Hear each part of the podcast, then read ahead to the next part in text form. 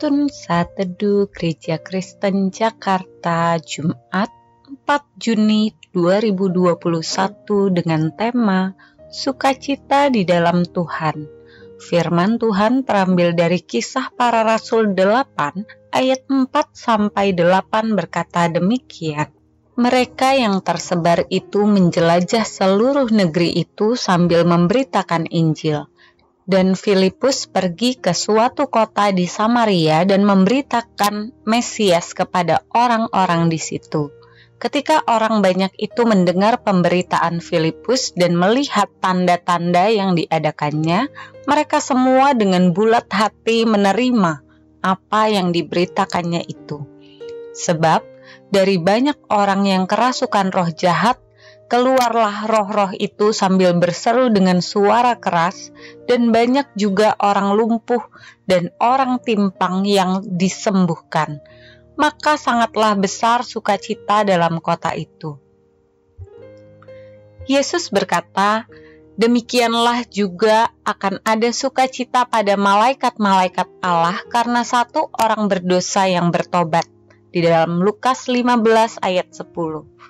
Perkataan Yesus ini hendak menegaskan sukacita surga ketika ada satu jiwa yang kembali berbalik untuk percaya menyembah Allah di dalam dirinya. Tekanan dan penganiayaan yang dilakukan Saulus dan para pemimpin agama telah membuat orang-orang percaya tersebar ke seluruh wilayah dan mereka memberitakan Injil. Filipus adalah seorang yang penuh dengan Roh Kudus. Ia pergi ke suatu kota di Samaria dan memberitakan Injil kepada orang-orang di sana. Orang-orang yang mendengar dan melihat tanda-tanda ajaib yang diadakannya dipakai oleh Roh Kudus untuk membuat mereka percaya kepada Tuhan. Berbagai mujizat terjadi di sana seperti banyak orang yang kerasukan roh jahat dilepaskan, banyak orang lumpuh dan timpang disembuhkan.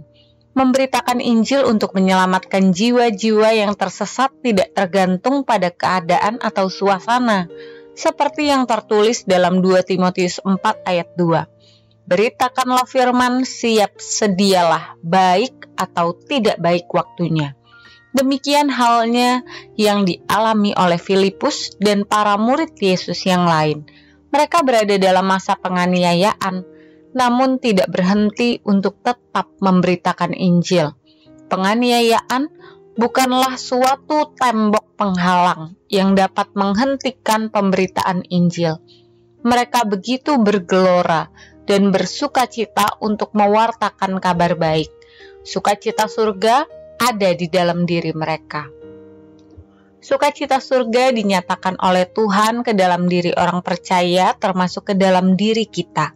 Sukacita itu bukan hanya tentang berkat jasmani yang kita terima dari Tuhan, melainkan juga sukacita karena ada jiwa-jiwa yang mau menerima dan percaya kepada Yesus Kristus. Memenangkan jiwa bagi Tuhan merupakan bagian dari amanat agung Tuhan bagi setiap muridnya. Paulus dalam suratnya kepada jemaat di Filipi berkata, Bagiku hidup adalah Kristus dan mati adalah keuntungan.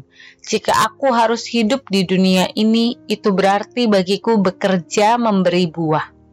Artinya, sukacita Paulus adalah di dalam Tuhan, yaitu memberitakan Injil sehingga jiwa-jiwa kembali berbalik kepada Allah. Bahkan, mereka menjadi murid yang serupa Kristus.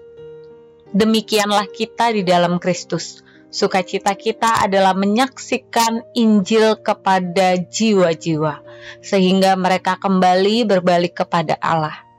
Jangan lagi menunda-nunda waktu besok.